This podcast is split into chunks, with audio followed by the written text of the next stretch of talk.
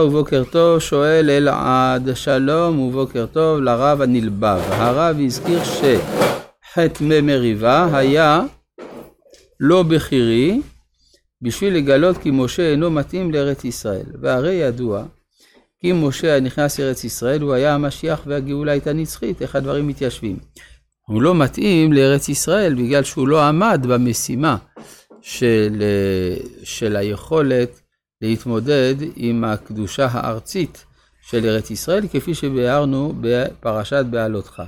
ברגע שזה היה המצב, אז היה מוכרח שתיווצר סיטואציה שבה הוא ייכשל כדי לספק, אפשר לומר, תירוץ טוב, אפשר לומר, לזה שהוא לא ייכנס לארץ בלי להאשים אותו ביותר גרוע. שואל צחי, שלום, הר. הרב ציין שהנושא של הפרשה היא התמודדות פוליטית של עם ישראל עם האומות. מפשט הכתוב נראה שהנושא הוא המים. מי חטאת, מי מריבה, מי באר במעברים, שירת הבאר, חציית הארנון. האם יש קשר בין הנושאים? תודה. כן, מצאנו כמה מדרשים שבהם הגויים משולים למים. כן, כלומר, אה, מים רבים לא יוכלו לכבות את האהבה, ועוד כמה מדרשים על ספר תהילים, ששם רואים שהמים העומדים, מים הזדונים וכולי, הם כינויים לאומות העולם לפי המדרשים. ובכן, אנחנו uh, ממשיכים בפרק כ"א, פסוק א' בספר במדבר, פרשת חוקת, שכאמור באמת היא ראשית המפגש של עם ישראל עם האומות. המפגש הוא קודם כל בתחום הפוליטי, לפני שהוא בתחום הרוחני. הפוליטי בחוקת, הרוחני בבלק.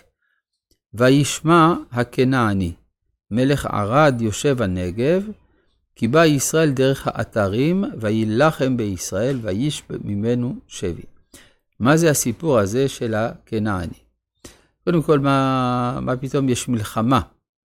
הרי עם ישראל היה עם שהיה קשה מאוד לגשת אליו. מאז מלחמת עמלק, היה ברור שלא קל להתמודד עם העם הזה, במיוחד שיש עליו ענני כבוד, ועמוד האש, עמוד הענן, אלא שמאז פטירת מרים ואהרון, התחילו הניסים האלה להתעמעם, ואז עם ישראל עובר דרך הטבע.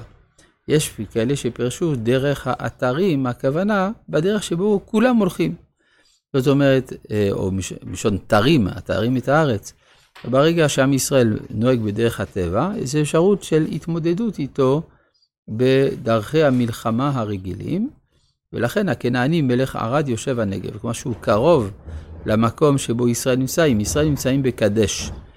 כן, ויכול להיות שיש גם ניסיון של חדירה דרך ארץ הנג... הנגב, אבל יותר פשוט זה ש...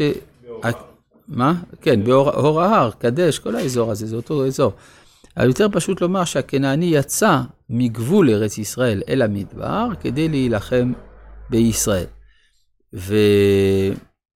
והמטרה של המלחמה הזאת מצד ההשגחה, כך מסביר הנציב מוולוז'ין, נדמה לי, להתחיל להרגיל את ישראל בדרכי המלחמה.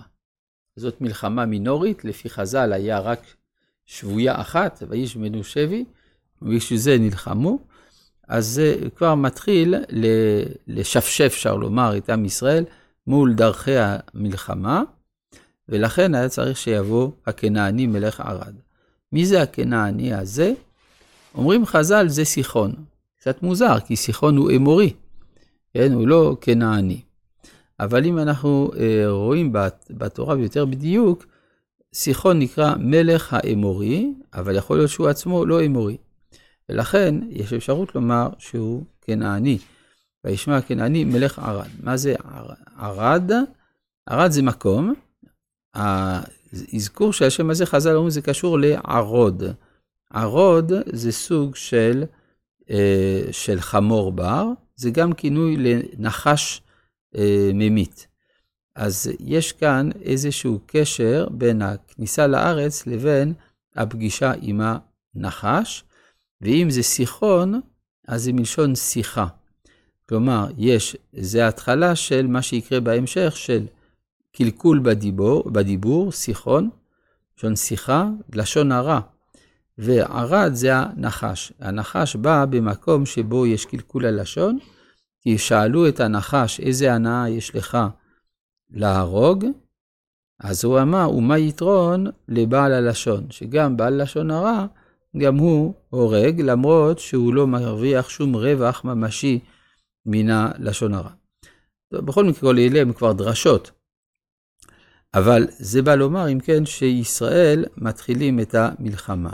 ויילחם בישראל, וישב ממנו שבי. אז יש כאן מחלוקת בין אה, דברי חז"ל בגמרא, לבין התרגום יונתן, התרגום המיוחס ליונתן, ששם נאמר שבי, שבי רב, ואילו חז"ל אומרים שפחה אחת. אבל אם זה שפחה אחת, אז זה אומר שיוצאים למלחמה בשביל אדם אחד מישראל, למרות שהוא מהירודים שבהם. הרי השפחות נחשבות באופן קלאסי בתור החלק היותר ירוד מבחינה מוסרית בעם ישראל, אבל אם פוגעים בנו מבחוץ, אז אנחנו לא עושים הבחנה בין יהודי ליהודי. יש על זה בשולחן ערוך, בחושן משפט, לא, ביורי דעה. אדם, יש אנשים שלא מתאבלים עליהם. מה זה אנשים שלא מתאבלים עליהם? אנשים שאינם שותפים לעשייה של כלל ישראל, לא, בת... לא באים מעולם לבתי כנסיות והם רחוקים מהכל, אז לא, לא מתאבלים עליהם. אבל, כותב הרמה, אם נהרג על ידי גויים, מתאבלים עליו. כי יש כבר קנאות לאומית. אנחנו, ברגע שאנחנו כלפי החוץ, לא עושים הבחנה בין סוג כזה של ישראל לבין סוג אחר של ישראל, ואז זה אחד הדברים שלמדנו כאן, ויש ממנו שבי, ואז עשו מלחמה, וידר ישראל נדר לשם. ויאמר. אז כלומר, אם הקלקול הוא בדיבור, יכול להיות פה רמז יקול בדיבור, אז התיקון על ידי דיבור. וידר ישראל נדר לשם ויאמר, אם נתון תיתן את העם הזה בידי וחרמתי את הרעב. כבר רש"י העיר על כך, שלמה נאמר, נתון תיתן את העם הזה, הרי כאשר מתפללים צריך לפרט. אז היה צריך להגיד, נתון תיתן את הכנעני. אלא שרש"י מביא שמדובר באמת לא בכנעני, אלא בעמלקים. מי שישב בנגב, עמלק יושב בארץ הנגב, אמרו המרגלים. אז אם כן, מדובר בעמלקים שהיו לבושים בגדי עמלק ומדברים בלשון כנען. למה הם מדברים בלשון כנען? כדי להטעות את ישראל שלא ידעו על מה להתפלל. שיתפללו ולא על העם הנכון. עם ישראל הרגיש את הדבר הזה, ולכן אמר, נתון תיתן את העם הזה, לא משנה מי הוא, בידי. עכשיו, דיברנו על זה גם בשבת, שיש לפעמים הבדל בין שיח כנעני לשיח עמלקי. הטענה הכנענית היא שעם ישראל לוקח ארץ לא לו, אלא שזאת הארץ של הכנעני. אז יש פה איזושהי קדמות טענה מוסרית. לעומת זה, עמלק לוחם בישראל לא מתוך כוונה מוסרית, אלא מתוך ניגוד עצמי לישראל. ולפעמים אי אפשר לבוא ב, על הבמה הבינלאומית עם שיח עמלקי מפורש, לכן משתמשים בשיח כנעני, אבל באמת הכוונה היא עמלקית, יש לזה השלכות ייתכן גם בימינו.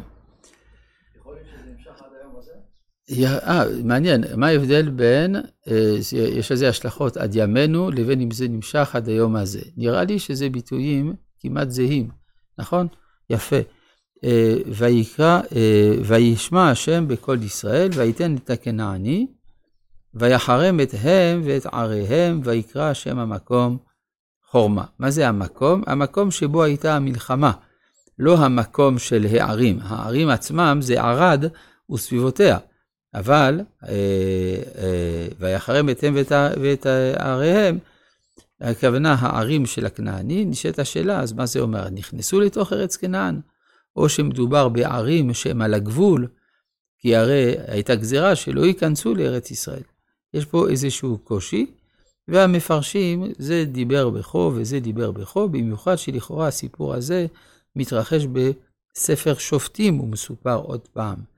כאילו כחלק מן המלחמה אה, בימי השופטים, דבר שלא ייתכן, כיוון שהתורה נכתבה בימי משה, מה שהכניס קצת למבוכה חלק מן המפרשים. רבי חנניה